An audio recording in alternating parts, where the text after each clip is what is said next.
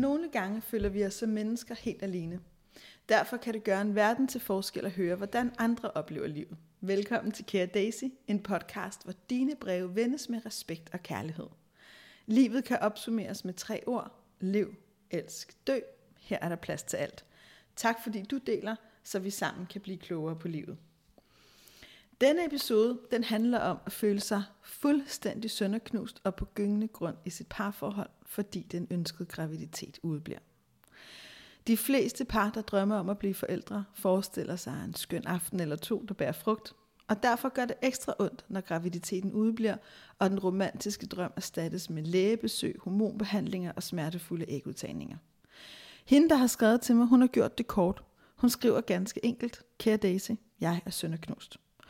Hun skrev til mig på Instagram en spørgerunde, og jeg valgte at dele min medfølelse og spurgte, om I ville høre mere om emnet. Og det svarede 76% af dem, der ser min stories ja til. Og det siger mig noget om, at det her emne berører rigtig mange.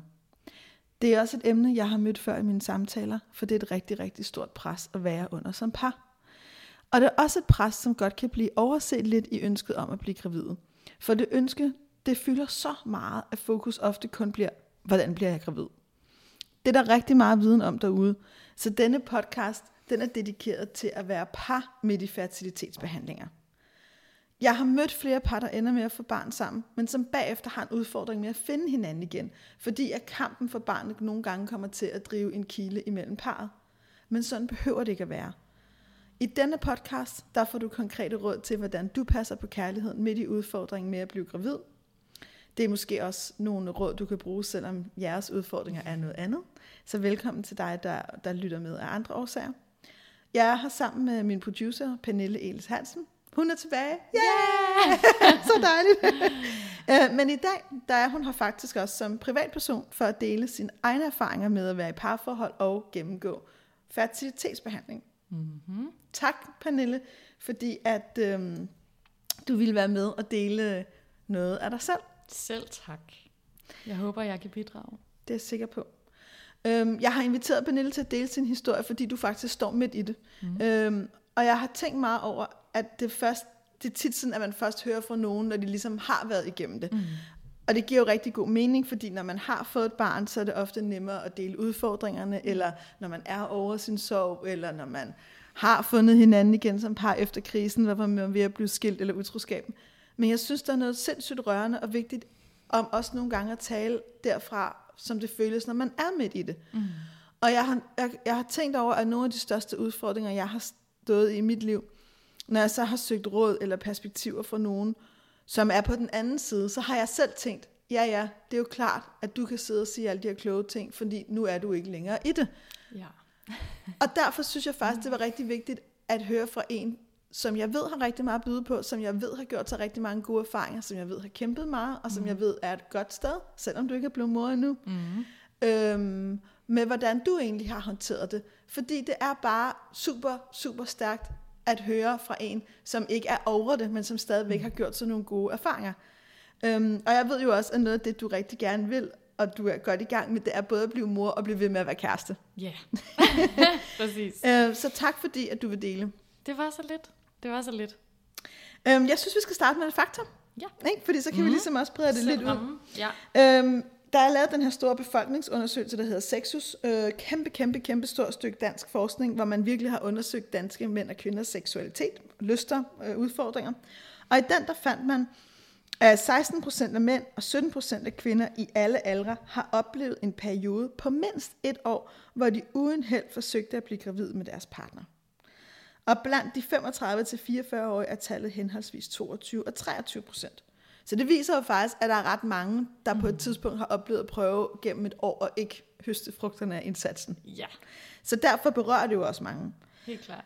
Der er også forskning, og samme forskning fra Sexus viser, at mellem hver fjerde og sjette par, der forsøger at få et barn, vil have oplevet, at det så ikke lykkes inden for et år. Mm.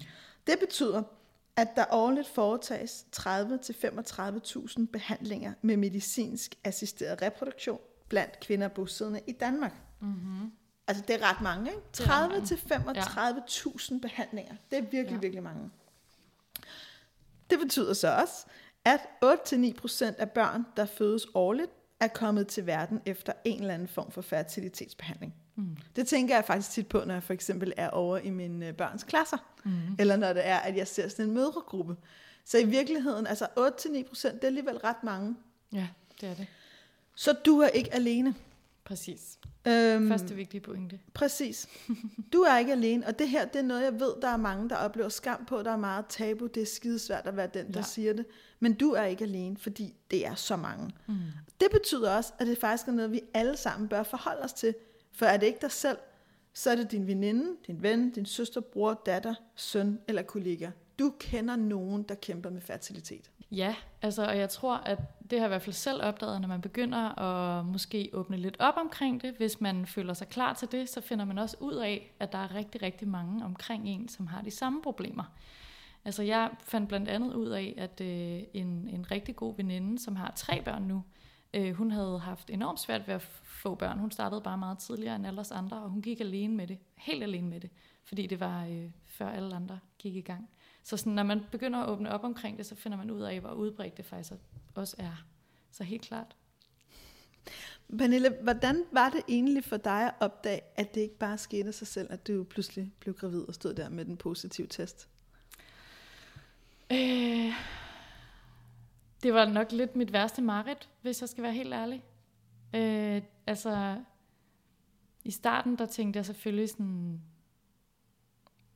Altså, man ved, når man først starter, så er man sindssygt utålmodig. Så tænker man sådan, det kan godt være, at det tager nogle måneder. Så, er der, så går der nogle måneder. Så tænker man, Nå, okay, men det kan også være, at det lige tager et par måneder til. Så går der et par måneder til.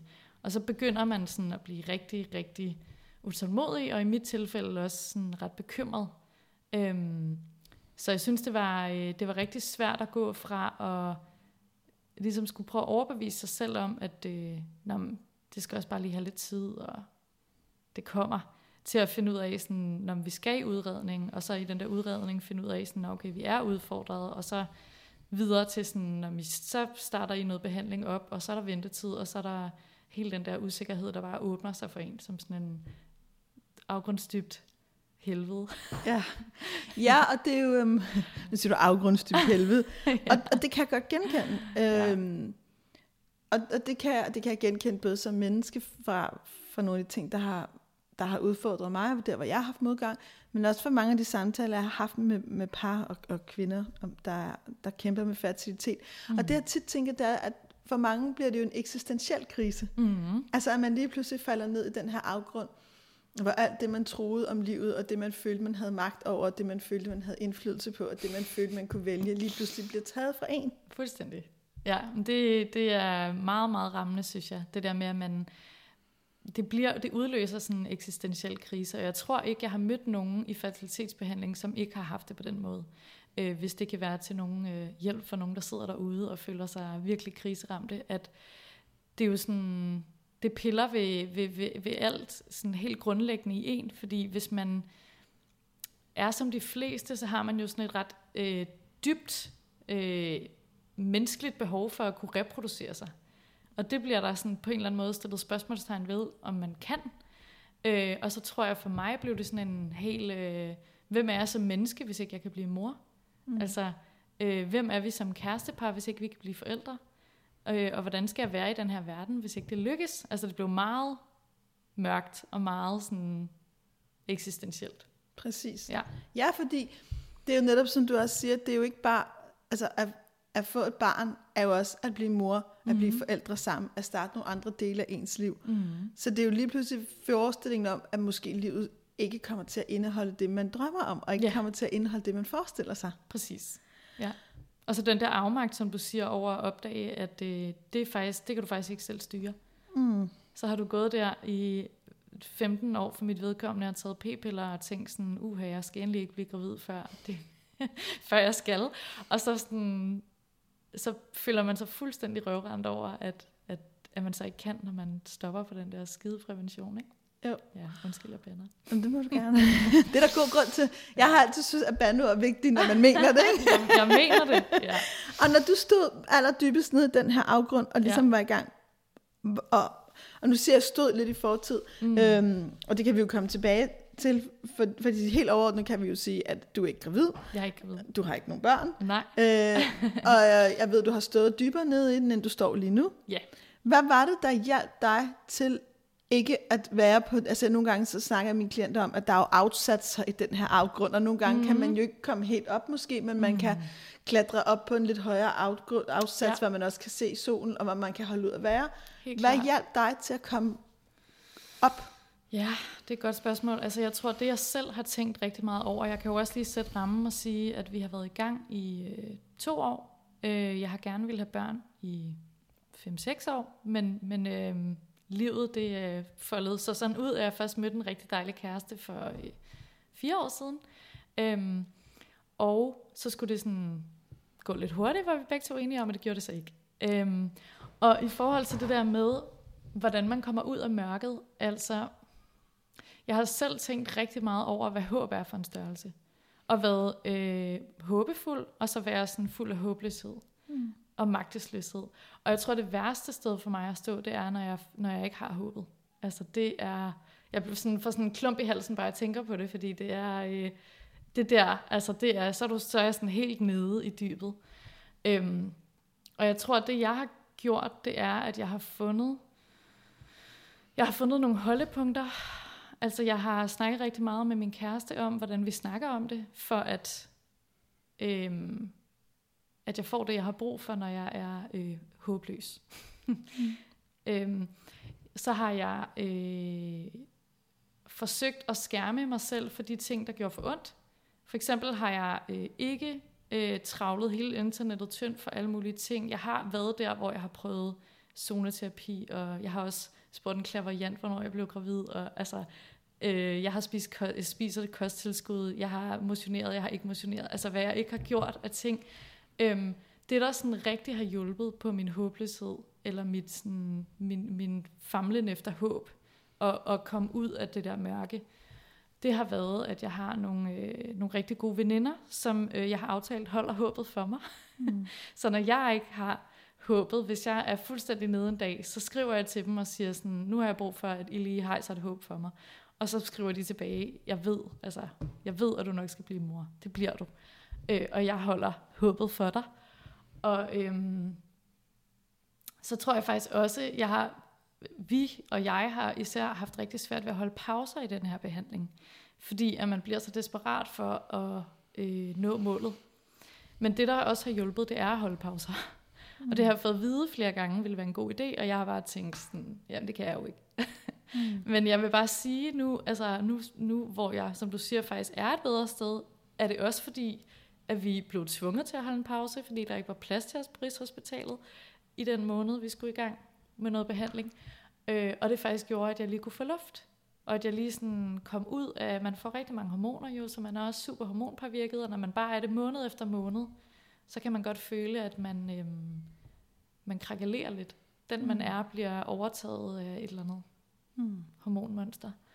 Øhm, så det hjælper også på det. Altså, og hvis man ikke synes, at man kan tage de der pauser, så tror jeg bare, det er rigtig vigtigt, at man finder nogle andre ting i sit liv, som man kan glædes ved. Ja. Eller det skal man også, uanset hvad, vil jeg sige. At man husker at lave et rum for det, der også giver rigtig meget glæde.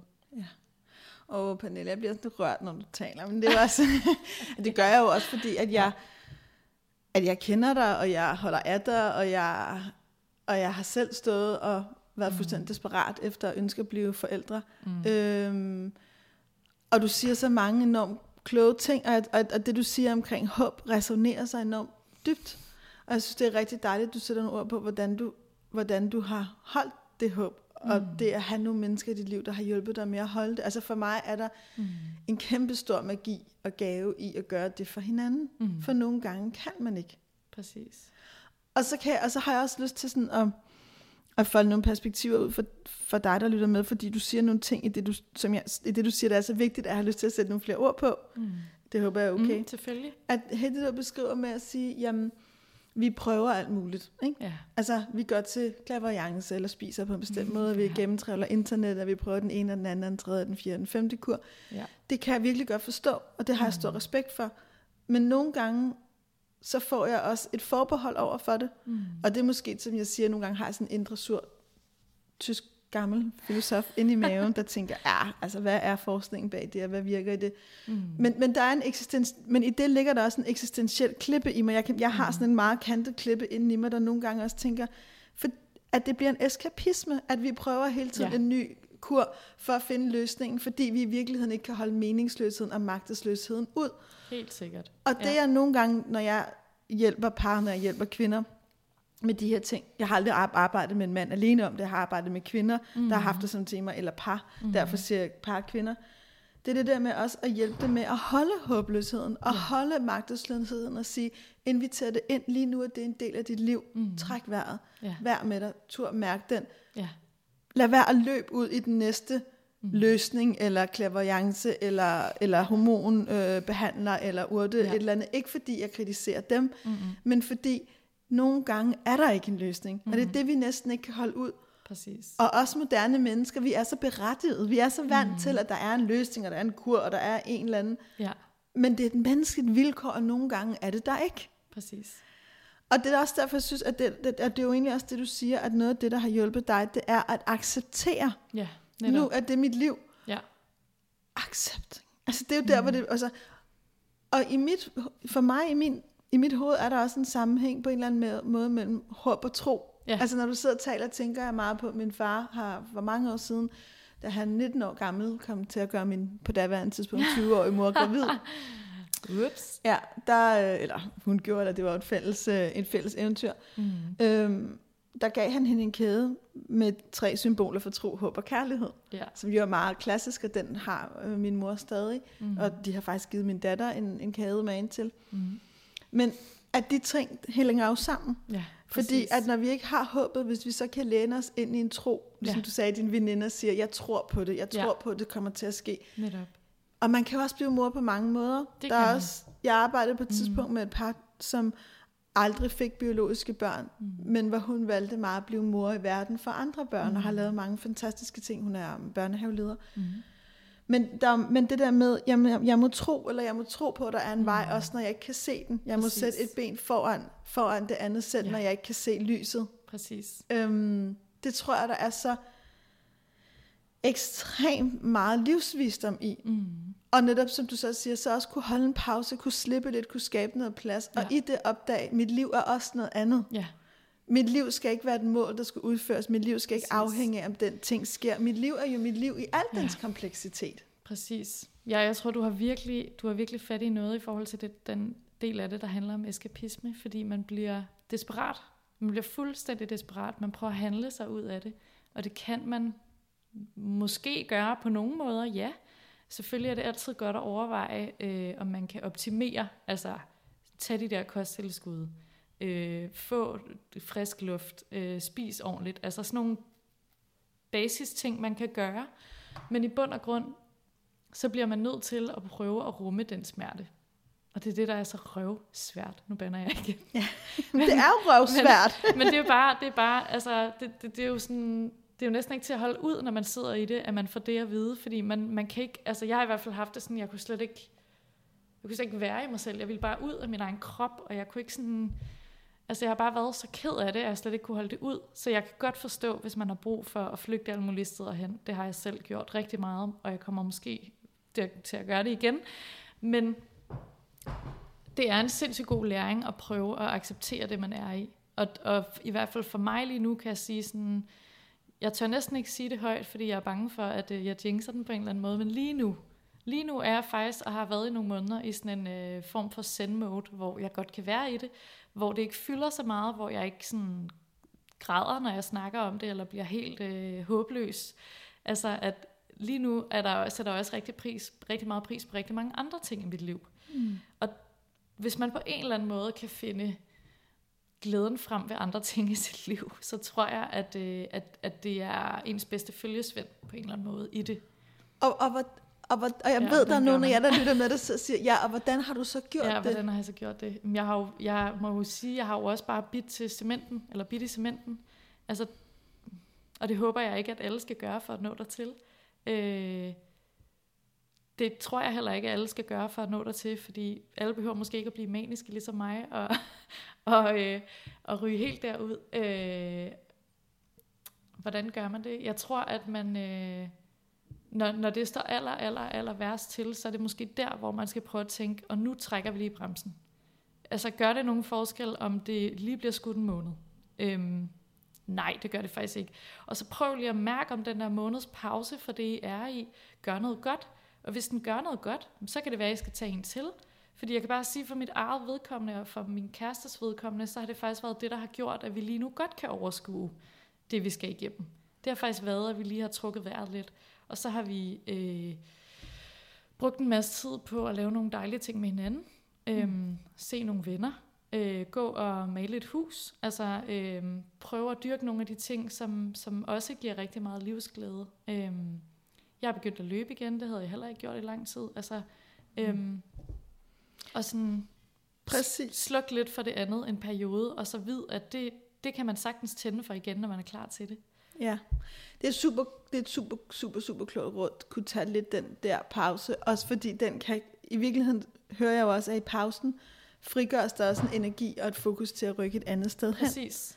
Og det er godt, det du siger med at bide i cementen, hvor du siger, at det behøver alle måske ikke at gøre, og så sidder der en del af mig og tænker, ja, lad os gør man. Lad os gør man, Altså, ja. fordi der er jo også nogle gange den der livslæring i, at bide i cementen, og jeg kan huske, jeg har skrevet om det i dø, men, mm. men jeg kan huske, jeg bed i cementen, hvis jeg skal bruge det billede, mm. øh, kort tid efter, at jeg har sådan en meget sådan klar erindring, kort tid efter Gabriel døde. Mm. Og jeg jo også var meget desperat efter at blive gravid igen, hvilket ja. på ingen måde var fysisk, eller på, på alle mulige andre måder muligt lige der. Men jeg simpelthen, jeg blev, jeg var i Barcelona, ikke? Altså, mm. fordi vi var ligesom kørt fra Danmark, og vi skulle finde ud af, hvor hans aske skulle være. Ja. Og så vi jo spise, og det var en meget, på mange måder rigtig fin og rørende aften, hvor vi ligesom prøvede at dyrke livet. Og jeg tror nemlig også meget på det der med at invitere taknemmeligheden ind og se nogle andre ting, og det, og det formåede jeg at gøre, og jeg træffede nogle gode valg, og jeg nød solnedgangen, og jeg nød, at mig og Ingvar stadig var sammen, og mm. jeg prøvede at forsone mig lidt med min krop. Og så bed jeg i cementen, og, og det var fordi, jeg blev simpelthen så fuld. Altså det var sådan noget med, at jeg drak, at jeg havde drukket noget vin, og så drak jeg en, en, en, sådan en brandy eller et eller andet, ikke? Ja. Og Ingvar gik lidt til den, og jeg, og jeg mistede fuldstændig, altså det var, men jeg kunne slet ikke klare det der alkohol, og jeg, ja sad foran en kirke i Barcelona, ikke? for en lukket dør, og stortudet. Altså, yeah. der var snot, og der var skrig, og, der var, og jeg var altså en voksen kvinde, der sad foran den der kirke, yeah. der var sådan en stentrappe midt om natten under en måned, og bare brød fuldstændigt sammen. Altså, yeah. jeg havde det sådan, jeg ville ikke være på den her jord, der var fucking Madonna overalt, og sådan noget. Ikke? altså, jeg kunne slet, slet ikke, altså... Yeah. Og bag, jeg synes på en eller anden måde, det var enormt uværdigt. Altså, du ja. ved, altså, jeg følte mig simpelthen, altså, hvad fanden, ikke, laver du der, ikke? Og der var sådan en stemme inde i mig, der næsten kunne se mig selv have det der sammenbrud der, ikke? Jo. Samtidig med, at jeg kunne ikke rigtig stoppe. Og noget af det, der så egentlig er lidt magisk, det er, at jeg så øhm, tidligere på aftenen, fordi vi var gået på en bar, havde vi, øhm, det var vi jo på mange måder slet ikke, vi var ikke i stand til at feste, men det havde vi så gjort, ikke? ja. øhm, havde vi mødt øh, et australsk par, øhm, og, jeg, og jeg tror, hun ligesom lagde mærke til, at jeg var væk, jeg var ligesom gået for de andre for mig selv, så hun kom ligesom der og fandt mig, og så satte hun sig ned ved siden af mig, og fortalte mig så faktisk, at hun var neonatalsygeplejerske og også har arbejdet på hospice, og har mm. oplevet rigtig mange børn dø. For mm. det er jo mhm. ikke alle, der klarer mm-hmm. for eksempel en meget for tidlig fødsel. Og delte egentlig bare sin medfølelse. Altså hun holdt mm. mig bare i hånden og adede mig lidt, og var sådan lidt, no. but you're so gorgeous, darling, and you have those amazing blue eyes, and you have those lips, and your husband wants to kiss them, and, and you want to kiss life one day. Og jeg var bare sådan, I really don't want anything. Og jeg var bare sådan, var sådan, you don't want yeah. that right now. og jeg har tænkt mig over den der fuldstændig yeah. fantastisk kvinde, yeah. den der sætning lige nu. Yeah.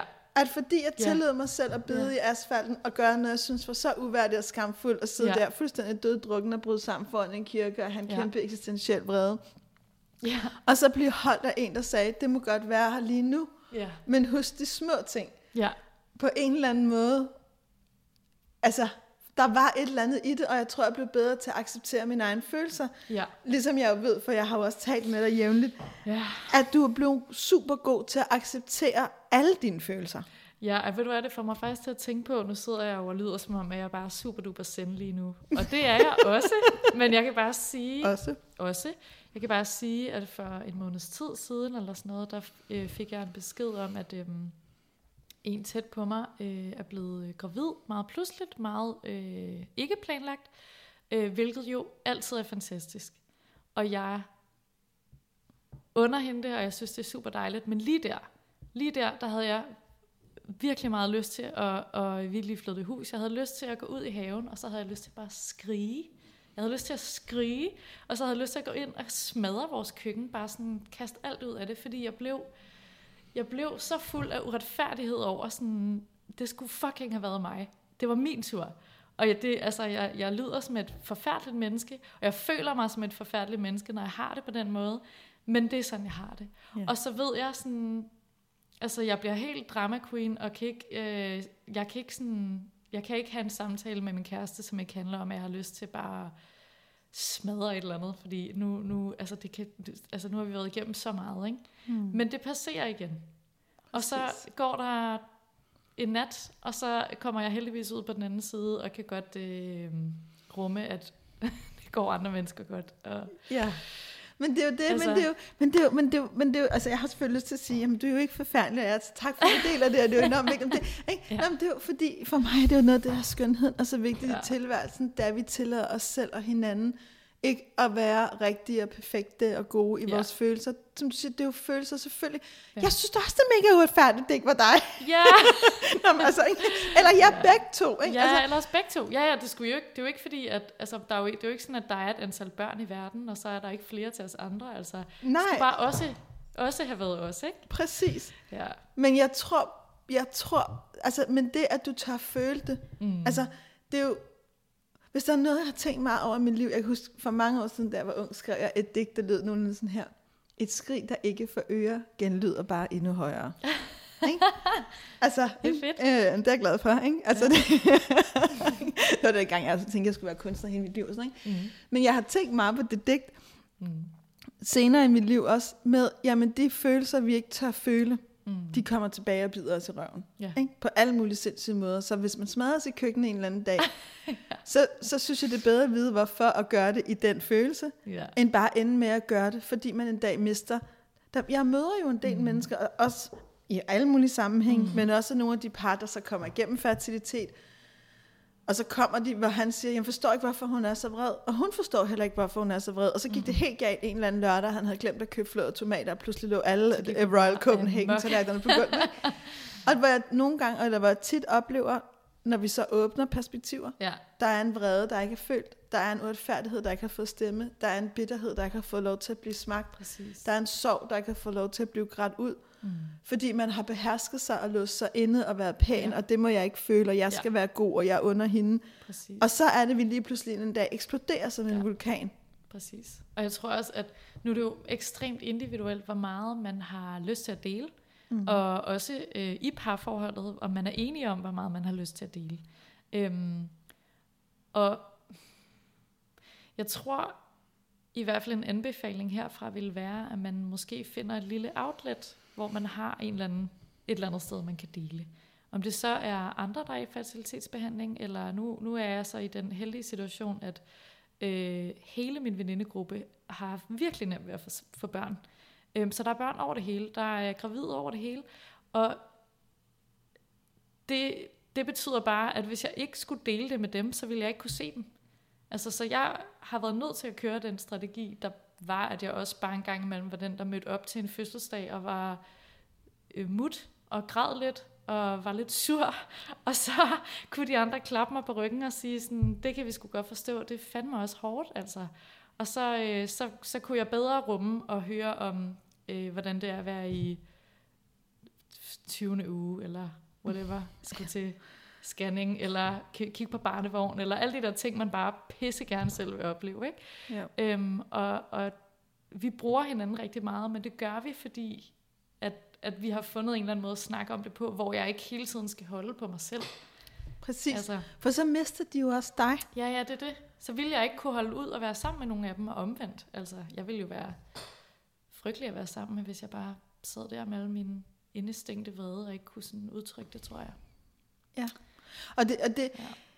altså, der er så meget guld i det, du siger, fordi der er så mange mennesker, jeg har mødt, når de har kæmpet med modgang i deres liv, som fertilitetsbehandling, men det kan også være sorg, det kan være sygdom, det kan være mm. ting, andre ting, som trækker sig, fordi de ikke føler, de må føle det, de føler, fordi mm. de gerne vil være gode. Men jeg møder jo også mennesker, der siger, jeg mistede min bedste veninde Mm. i hendes sorg, eller hendes fertilitetsbehandling, eller jeg mistede det gode vennepar, vi nogle gange spiste Mm. middag med, eller mange mennesker oplever, jeg egentlig gerne vil, Ja. hvis de bliver givet Ja. indsigten, tilliden, og nogle gange også nogle klare retningslinjer for, jeg har brug for, at du er en god ven på den her måde, eller jeg har brug for, at du er en god ven på den her Mm. måde. Og så kan man en anden gang diskutere, om det burde være nødvendigt at give til de singer, men jeg, jeg har det sådan, jeg synes, der er noget smukt i at prøve. Mm.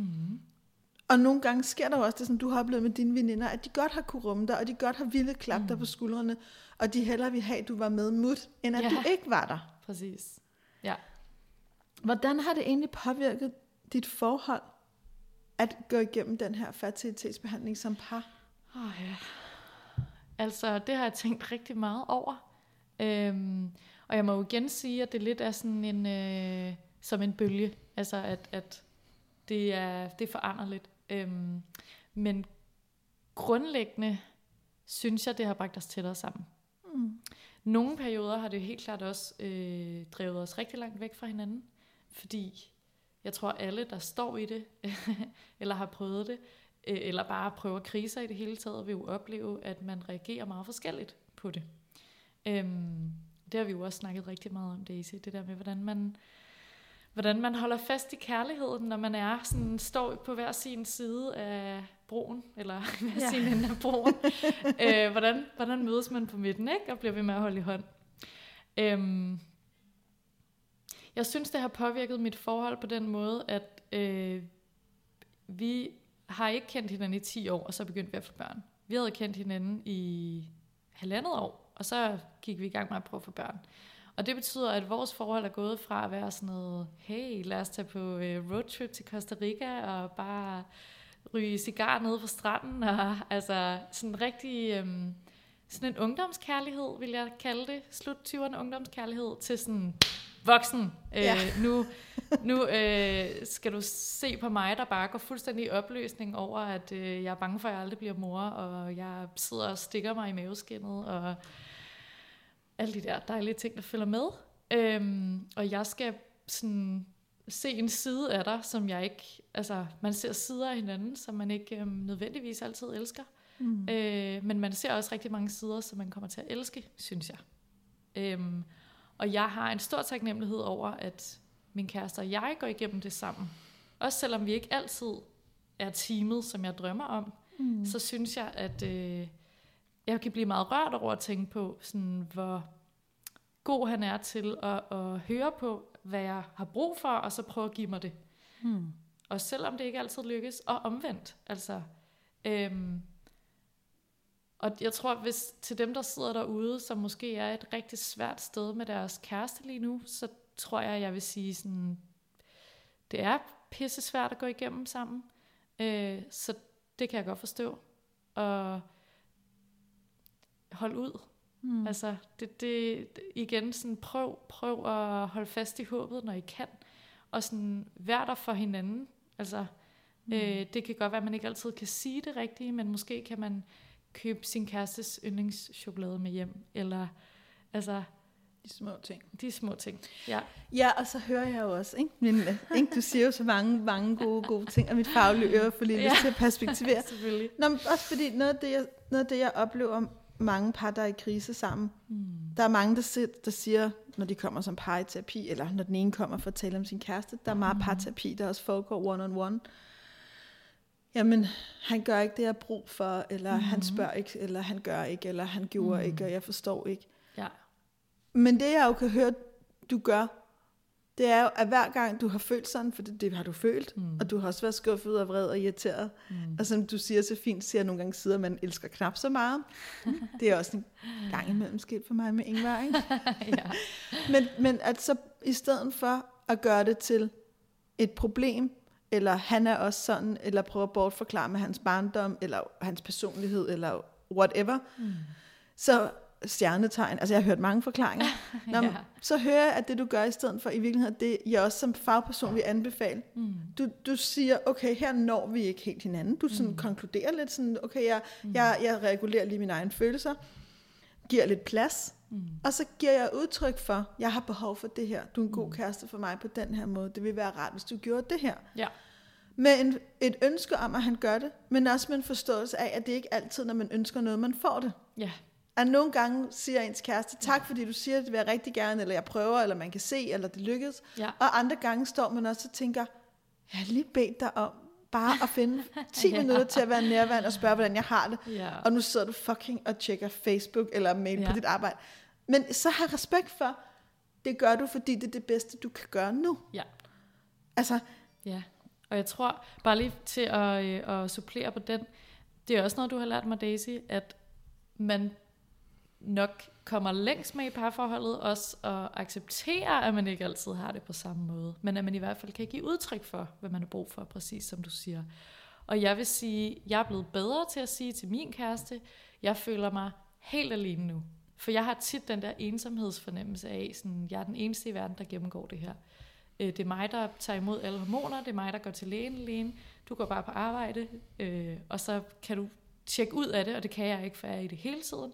Og han er omvendt også blevet rigtig god til at sige, øh, det er jeg rigtig ked af. Jeg, kan ikke, altså jeg har haft en virkelig lang dag, jeg kan simpelthen ikke overskue at snakke om det lige nu, men jeg vil rigtig gerne give dig et kram. ja. Og det, det er noget, jeg har taget med hjem, fordi det har vi snakket rigtig meget om. Sådan den der, okay, hvad kan man forvente af hinanden? Hvad kan man gøre? Hvor, hvor klar kan man være? Hvornår kan man også sådan, ligesom bare slippe det, og så holde i hånd i stedet for, ikke? Jo, altså, sådan. Good job. Jo tak, jo tak. Nå, nej, men det, Det er er vigtigt fald, altså, det virker, ja, synes jeg, for det meste. Ikke? for det meste. Og nogle gange, så er jeg bare en raging bitch, og så virker intet, men Nej, nej, og nogle gange, og det er også en anden del, at det er også vigtigt at være en raging bitch, så ens partner forstår, hvad konsekvensen af at vælge sig selv er. Nå, men, altså, du ved, der er nogle Ja. gange, når jeg har været, altså jeg bliver, Ingvar siger nogle gange, så er jeg jo fucking en løve i et bur, man siger, der er en grund til, det hedder løvendal, ikke? Men man siger, nogle gange hjælper det ham jo også med at Ja. vågne op og tænke, Ja. okay, der er noget, der er større end mig selv, og jeg Ja, må heller præcis. lige få Uh, hovedet ud af min egen øh, suppedags, ikke? inden det her eksploderer. Ja, Ja. eller få ryddet pænt op, når det er eksploderet, ikke? Jo. jo. Nå jo, og så har man den erfaring med, Mm. og det skal man kunne tåle. Ja. Begge sider. Ja, præcis. Men heller en raving bitch, end en, en, en indebrændt isdronning, der ender med at blive skilt om tre år. Fordi, ja. fordi de der, nu kalder det isdronning, det er ikke nogen, men når man bare lukker inden, lukker inden og lukker ned, mm. så er det jo, man kommer en dag her og siger til mig, jeg kan ikke mærke noget, jeg kan ikke mærke, hvad jeg selv føler, jeg kan ikke mærke, hvad jeg selv har lyst til. Mm. Og når vi så begynder at pakke det op gennem samtaler, og mm. følelserne kommer, så er det reparationsarbejde bagudrettet. Mm. Altså, og det er ikke Ja. fordi, jeg advarer, det kan man også godt, og det er der gode forløb med. Men det er jo rart, når man ikke behøver at gå med den smerte tre år, som sætter sig som en følelsesløshed og et Ja. dybt svigt, Absolut. når man så hellere være en raving bitch i aften. Altså, ikke? Jo, og så tror jeg, det er sindssygt vigtigt, det der med at, øh, for ikke at nå dertil, så bliver man nødt til at være ret upfront med, hvad man har brug for. Præcis som du siger. Hvis man føler sig alene, hvis man føler sig øh, svigtet på en eller anden måde, så bliver man nødt til at sige det. Og så bliver man nødt til at sige, sådan, jeg har brug for, at du husker at spørge, hvordan det føles at være på hormoner. Eller jeg har brug for, at du husker, at jeg lige har haft en øh, dag, hvor jeg har været til lægen. Eller hvad det nu kan være. Fordi afhængig af, hvad ens problem er. Nu er det sådan mig, der har en hormonel forstyrrelse i, i vores situation. Det kan jo også være noget med mandens sædkvalitet. Det kan være alt muligt. Afhængig af, hvad det er, så øh, kan det godt være overvejende til den ene side. øh, og jeg, som kvinde er man jo den, der skal scannes og øh, kigges på og have udskrevet hormoner og skal opfølges og skal alt det der. Og under corona må man ikke have sin partner med. Så udover at man føler sig rigtig alene, så er man også rigtig meget alene. der er en god grund til, at du Altså, føler det. Ja. man er super meget alene, endnu mere end man var, før man, der var corona, og man ikke måtte have sin partner med på hospitalet. Så derfor tror jeg, at det er øh, ikke, ikke understreges nok, at det, det er sgu ret vigtigt, det der med at, at sætte ord på, hvad man har brug for fra sin kæreste, for at de kan være der for en, fordi han kommer ikke til at gætte det. Altså, Nej, han kommer ikke til at føle det, man føler. Det, det har også nede mig rigtig meget. Sådan, hvorfor føler han ikke al den smerte, jeg føler? Men det gør han altså ikke. Han føler den nogle gange, men han føler den ikke så grundlæggende hele tiden, som jeg gør. præcis. Sådan er det. Netop, og Ja. sådan er det. Og så kan man sige, er det kønsforskel, eller er det personligheder? Det kan vi tage en anden kære Daisy om. Ja. Men det er vigtigt i det parforhold, man er i, at acceptere de forskelle. Ja. Hvilket også er en af grundene til, at jeg også efter modgang med Ingvar stadig er lykkelig gift. Ja. Altså, og jeg får Præcis. lyst til at spørge, og det har jeg Mhm. fået lov til at spørge dig om, hvordan er sexlivet midt i alt det her? Jeg ved jo, at nogen Ja. beretter os om, at noget af det, der er enormt hårdt, det er man nemt kan komme til at skulle dyrke pligtsexer på bestemte tider, og ikke løsningssexer. Altså, Ja. men hvordan, hvordan har det været for dig også Mm. at ønske et sexliv midt i det her? Altså, jeg Eller kan jo ikke også... ønske det. Ja, altså jeg kan jo også afsløre, at, øh, at jeg har jo også siddet her øh, sammen med dig og snakket frustreret øh, fra soveværelset. Hvad skal jeg gøre? Øhm, det er ikke øh, særlig fedt at være i fertilitetsbehandling øh, og have et sexliv samtidig. Men jeg vil sige, i forhold til, når man går og venter på at blive udredt for eksempel, øhm, hvor man er rigtig ops på, hvornår der er ægløsning og alt sådan noget. Nu, så er det nu, nu er det nu, vi skal have sex. Så kan det jo på en eller anden måde være lidt en forløsning, at der er nogen, der overtager den del. Mm. Det der med at hjælpe dig med at blive gravid, ikke? Så for os synes jeg, det har været, øh, det har faktisk gjort det lidt mere let, eller sådan lidt mere tilbage til, hvordan det var. Mm. Lidt mere lystbetonet, vil jeg kalde det. Fordi Mm. det er meget det der med, at lysten bliver taget ud af det. Det bliver sådan en øh, pligtting, at man skal gøre det på nogle bestemte tidspunkter for at opnå et bestemt mål. Og det er jo vildt usekset. Ja, det er jo nærmest sådan stik modsat Eros, ikke? som jo handler Ja. om frihed Præcis. og leg og lyst og begær. Og, Det er, ikke? altså, det er så usekset, og det har, det har, det har fyldt rigtig meget. Øhm, jeg synes, det der har hjulpet, det har været at få fjernet fokus lidt fra det. Og så at, øh, igen et super godt råd, jeg har fået af min øh, gode veninde Daisy, det her med at, og, øh, at være fokuseret på nydelse. Altså få nydelse ind i sit parforhold, uden at det nødvendigvis er sådan, nu skal vi have sex, men hvad kan vi gøre for, at vi føler os tætte på hinanden? Altså er det at ligge sammen og se en film tæt? Er det at øh, bare ligge og kysse? Er det at gå i bad sammen? Er det at huske at holde i hånden? Altså mm. øhm, sådan prøve at starte et andet sted, end at være så fokuseret på sexdelen måske. Mm. Det synes jeg i hvert fald har været rigtig rart. Fordi Ja. der er så meget pres på. Ja. Altså, der er så meget pres på den der krop, der skal præstere, og så skal sexlivet også køre ved siden af, og Mm. det er hårdt. Så husk at dyrke nydelsen. Ja, præcis. Og husk at dyrke hinanden, tror jeg måske også bare. Altså, Ja. lav nogle sjove ting sammen. Øh, tag ud på den der date. Nu er byen også ved at åbne op. Altså, drik en flaske vin, når man ikke er gravid. ja. Gør de der ting, som er lidt sjove, eller som man synes var sjove, før man begyndte på det der øh, lidt langhårede børneprojekt. Altså, Præcis. øhm, ja. Det giver så meget mening. Jeg kommer også til at tænke på det, sådan, for jeg sådan selv lyst til dele. Jeg arbejdede på et tidspunkt med et andet par, der kæmpede med fertilitet mm. også Mhm. gennem lang tid.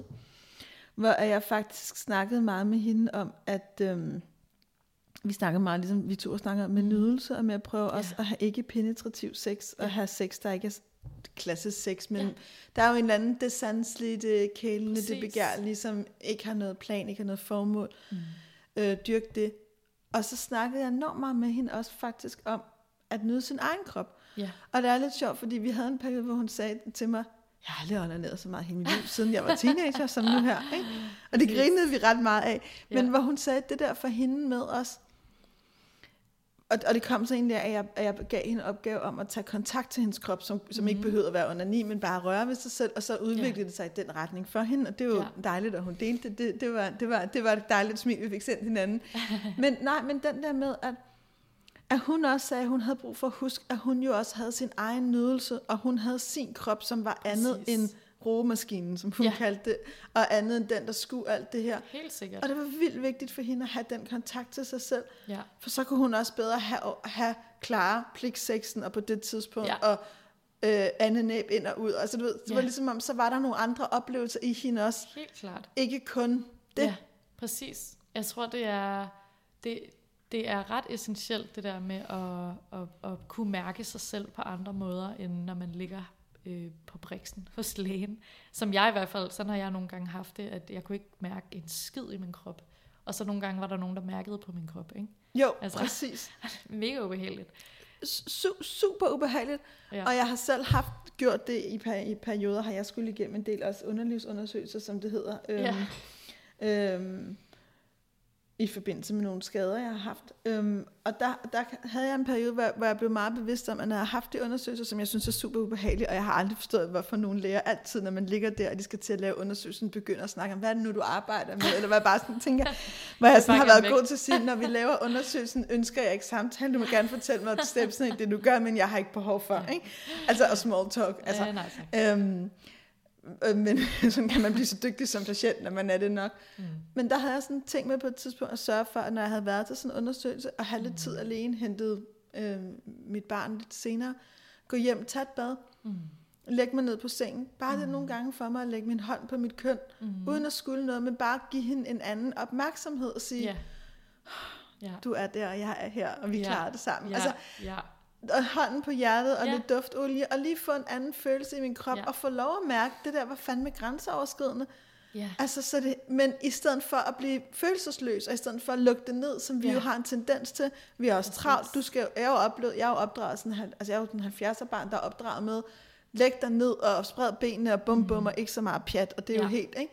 Ja, men det er også fucking grænseoverskridende, mm. og det kan jeg godt gøre, men jeg vil også have lov til at gå hjem og græde og tage, tage, tage, og tage kærlig kontakt til min egen krop igen ja, bagefter. Præcis. For jeg er ikke en maskine. Mm. Nej, og jeg tror, det er... Altså, jeg har, jeg har været rigtig dårlig til at mærke min krop, og jeg arbejder stadig meget på det. Øh, og, og så tror jeg, sådan, i den forbindelse er det også bare... Øhm, det er ret vigtigt, at hvis man kan mærke ens krop prøve at fortælle en noget, så skal man lytte. Altså, ja. hvis kroppen er ked af det, så skal den ned under en dyne og se film, eller hvad man nu gør, når man trænger til en dag, hvor Præcis. man hygger. Altså, og hvis man har været igennem noget, der var lidt hårdt, så som du siger, så giv den, giv den lidt ekstra kærlighed. Ikke? Jo. Det er i hvert fald de små ting, tror jeg igen, som sådan giver det større billede i den her sammenhæng. Ikke? Altså, Helt vildt. Ja. Og den sidste ting, jeg vil spørge mm. dig om, Pernille, det er, hvilket råd vil du give til en kvinde eller et par, der lige nu fandt ud af, eller lige havde fundet ud af, at de skal igennem fertilitetsbehandling? Ja, Altså, det jeg har skrevet ned, jeg gerne vil give råd, det var, at alting bliver okay på den ene eller den anden måde. Og at hvis man på en eller anden måde kan øhm, finde en måde at finde sit håb på, når håbet ikke lige er der, så, øh, så vil jeg virkelig anbefale, at man gør det. Øhm, men sådan, prøv at holde fast i det der mantra om, sådan, det skal nok gå. Selv når det ser rigtig sort ud, det skal nok gå. Det skal nok gå. Det bliver godt. Det gør det. Altså, mm. det vil jeg ønske, at jeg kunne sådan lægge hånden på alles øh, bryst og sige. fordi det kommer til at ende godt for os alle sammen. Ja. ja. Også selvom godt nogle gange ser anderledes ud, end vi ja, troede. præcis. Ja. Pernille, tusind, tusind tak, fordi du delte det her, øh, og delte for det her sårbare sted, hvor du stadig er midt i det. Øhm, du ved, jeg også holder dit håb. Tak. Øh, og vi holder jer, der lytter med håb. Det gør vi. Skriv til os, øhm, for det var alt, hvad vi havde til dig i dag, i denne episode af Kære Daisy. Tak fordi du lyttede med. Husk, at du kan skrive til mig og Pernille gennem mm-hmm. hjemmesiden daisyløvendal.dk. Der er en formular, der gør dig anonym. Det er kærligt at dele, og jeg håber, at denne episode, af kære Daisy, har givet dig en tanke eller måske en idé, du kan bruge i din hverdag. Du har kun et liv. Elsk det. Du lyttede til Kære Daisy, en podcast, der vender nogle af livets dilemmaer og får dig til at føle dig mindre alene. Vil du have mere inspiration og flere perspektiver på det moderne liv, så følg Daisy på Instagram og skriv dig op til hendes nyhedsbrev via daisyløvendal.dk. Kære Daisy vender tilbage med en ny episode cirka hver 14. dag, og du kan finde den i iTunes, på Soundcloud og på daisyløvendal.dk. Og husk, hvis du kunne lide, hvad du hørte, så send det endelig videre og giv os en masse stjerner og en god anmeldelse. Det betyder alt. Tak.